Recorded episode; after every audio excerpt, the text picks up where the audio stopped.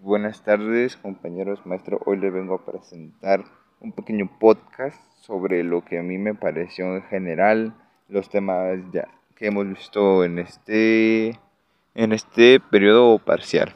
Empezaremos por los tres temas principales que son la estructura de la Tierra, distribución del agua y la estructura de la atmósfera. Eh, la Tierra está dividida en ciertas capas, las cuales son núcleo, mantos y corteza terrestre. El núcleo del planeta es la más profunda, tiene una temperatura de 6700 grados y está compuesta de hierro y níquel, aunque contiene otros elementos más ligeros como azufre y oxígeno. El núcleo está formado por dos subcapas, núcleo interno y externo. A pesar de ser altas las temperaturas, el núcleo interno se encuentra en estado sólido debido a las presiones que en sí todo el material con el que está conformado la Tierra sobre él.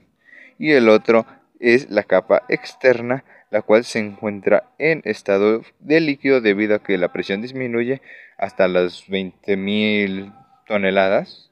Eh, su radio aproximada es de 1.220 kilómetros. El mando es la capa interna de la Tierra localizada entre el núcleo y la corteza. El manto se divide en dos también, el manto inferior, el cual se encuentra en estado sólido porque su composición de materiales y las fuertes presiones que recibe, en cambio, el manto superior recibe, eh, reside en una forma viscosa, en cual se encuentra la superficie de la litosfera que se encuentra en la estenosfera, cuyas características más importantes es que presenta movimientos muy lentos llamados de convección que permiten flotar a las grandes placas tectónicas sobre ellas. Ah, la corteza terrestre es la única parte sólida de las capas de la Tierra, cubre el manto y el núcleo. En la litosfera ocurren los terremotos, las erupciones volcánicas y las transformaciones de relieve del planeta. Esta situación desde la discontinuidad de, la, de hasta la atmósfera. Es la capa en la que habitamos los seres humanos y sobre la cual realizamos todas nuestras actividades. Después de eso empezaré a hablarles un poco sobre lo que es la hidrosfera. La hidrosfera, eh, como lo dice su nombre, es el agua que viene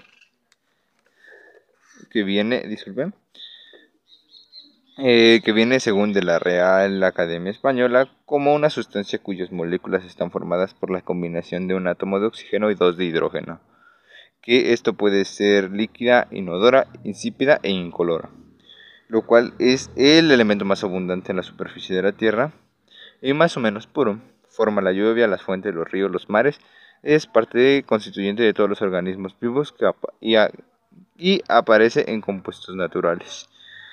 La hidrosfera es un, componente de la geosfera y está en estado sólido, interacciona con la litosfera constituyendo los glaciares y la nieve que cubre las partes altas de las montañas.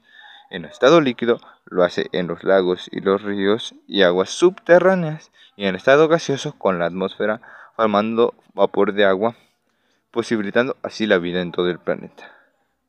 En términos absolutos, eh, acumula más de 1.400.000 millones de kilómetros cúbicos de agua, distribuidos desde profundidades hasta las capas bajas de la atmósfera.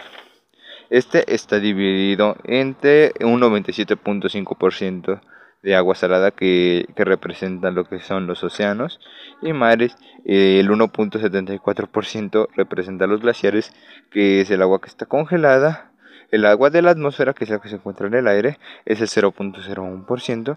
El agua dulce es la que podemos consumir nosotros, que es el 2.5%. El agua del subsuelo, que es el 0.75%. Y en general estas son las maneras en las que está distribuida la hidrosfera. Después de eso les empezaré a hablar un poco sobre lo que es las diferentes capas de la, lo que son la atmósfera las cuales son la troposfera, que es la capa más importante debido a que es en la que vivimos y donde se desarrollan los fenómenos meteorológicos como temperaturas, precipitaciones, tormentas eléctricas, nevadas, huracanes, etcétera, etcétera. Eh, tiene las tres cuartas partes de, del aire atmosférico. Después de eso sigue la estratosfera, que solo contiene una cuarta parte del aire atmosférico, por lo que es una capa donde los fenómenos meteorológicos no existen. Esta en circunstancias lo hace una capa estable o ideal para la navegación aérea y comercial. La temperatura aumenta hasta los 90 grados y a los 25 kilómetros de altura, ya que los rayos ultravioletas transforman el oxígeno en ozono, dando origen a la subcapa conocida como ozonosfera. Mesosfera solo contiene el 0.1% de aire atmosférico, por lo que prácticamente desaparece el vapor de agua y el ozono. Después de esto, eh, sigue la ionosfera o termosfera.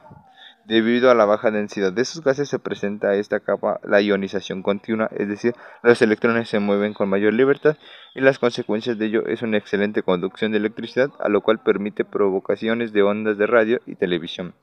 Ah, también es conocida como termósfera porque hay una gran variación de temperaturas que van de 70 grados a 1500 grados centígrados debido a la dinámica, a la dinámica de la ionización. Aquí es donde los meteoritos empiezan a quemarse y a desintegrarse cuando entran en la atmósfera de la Tierra. Exosfera se considera como el límite con el espacio exterior de muy baja densidad. Incluso no se llega a determinar el momento en el que empieza el espacio exterior. Tiene un gran contenido de polvo cósmico, para algunos científicos contiene la magnetosfera, ah, la cual es la que cubre el planeta y es la parte más externa de la atmósfera, es donde el campo magnético de la Tierra se desvía la mayor parte de las partículas del viento solar. Eh, y, pues creo que es una explicación un poco corta, pero quise nada más darle los más que nada el puro contexto y, y concepto de cada una de ellas. Espero que les haya gustado. Gracias.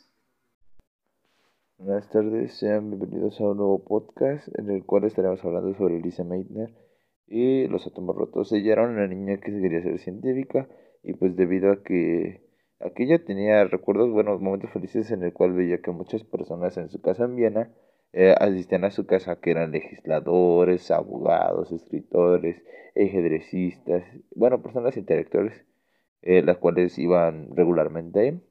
Ah, y pues ellos, y ella y, su hermano, y sus hermanos compartían pues todo lo que se escuchaba ahí, observaban, cuchicheaban entre todo eso.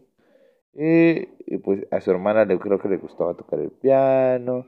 Bueno, en general ella eh, comenzó agarrando, en general podría decirse que muchos gustos de lo que era lo que, lo que podía observar eh, en todo lo que ella veía.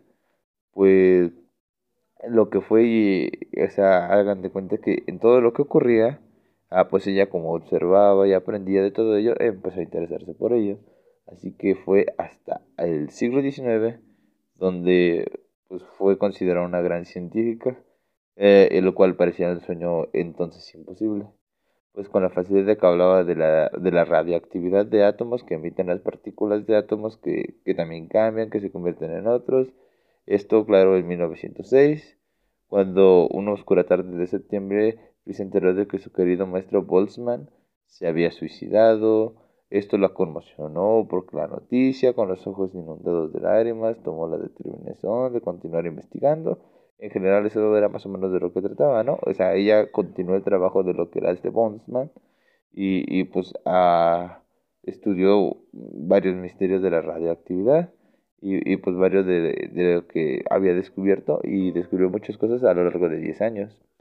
Uh, en 1907 admitió en el Instituto de la Química de la Universidad de Berlín eh, que las mujeres tenían prohibida la entrada al instituto, pero pues, con, la, con la insistencia de, de, un señor que se llamaba Otto, eh, el director aceptó que, que Liz fuera, que fuera aceptada, eh, bueno, más bien que utilizara el sótano de este, con entrada independiente a la antigua carpintería, y ahí fue donde pues pudo seguir con el reconocimiento y el acceso a los laboratorios pero pues con menor sueldo, por supuesto. Ah, ella también conoció el resultado, se puso a darle vueltas, porque conoció lo que fue la teoría de la fisión nuclear, la cual logró comprender lo que sucedía en el núcleo que se rompe al hacerlo.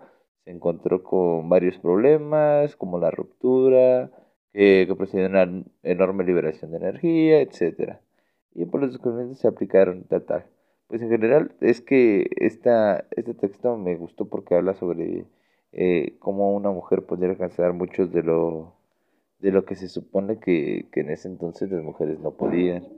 Y hasta fue merecedora de, de un Nobel, el cual fue, es uno de los reconocimientos más importantes que, que tiene en general todas las carreras, y es como un premio básico que, que, podría uno alcanzar si, si eres lo suficientemente determinado y, y pues en general nos habla sobre, sobre, sobre no rendirnos y el que cuando algo te gusta lograr alcanzar lo máximo que puedas en tu área o rango y en general eso fue lo que más me gustó de la lectura ver cómo alcanzaba y cómo, cómo crecía a lo largo del tiempo obteniendo más ayuda, recursos y etcétera.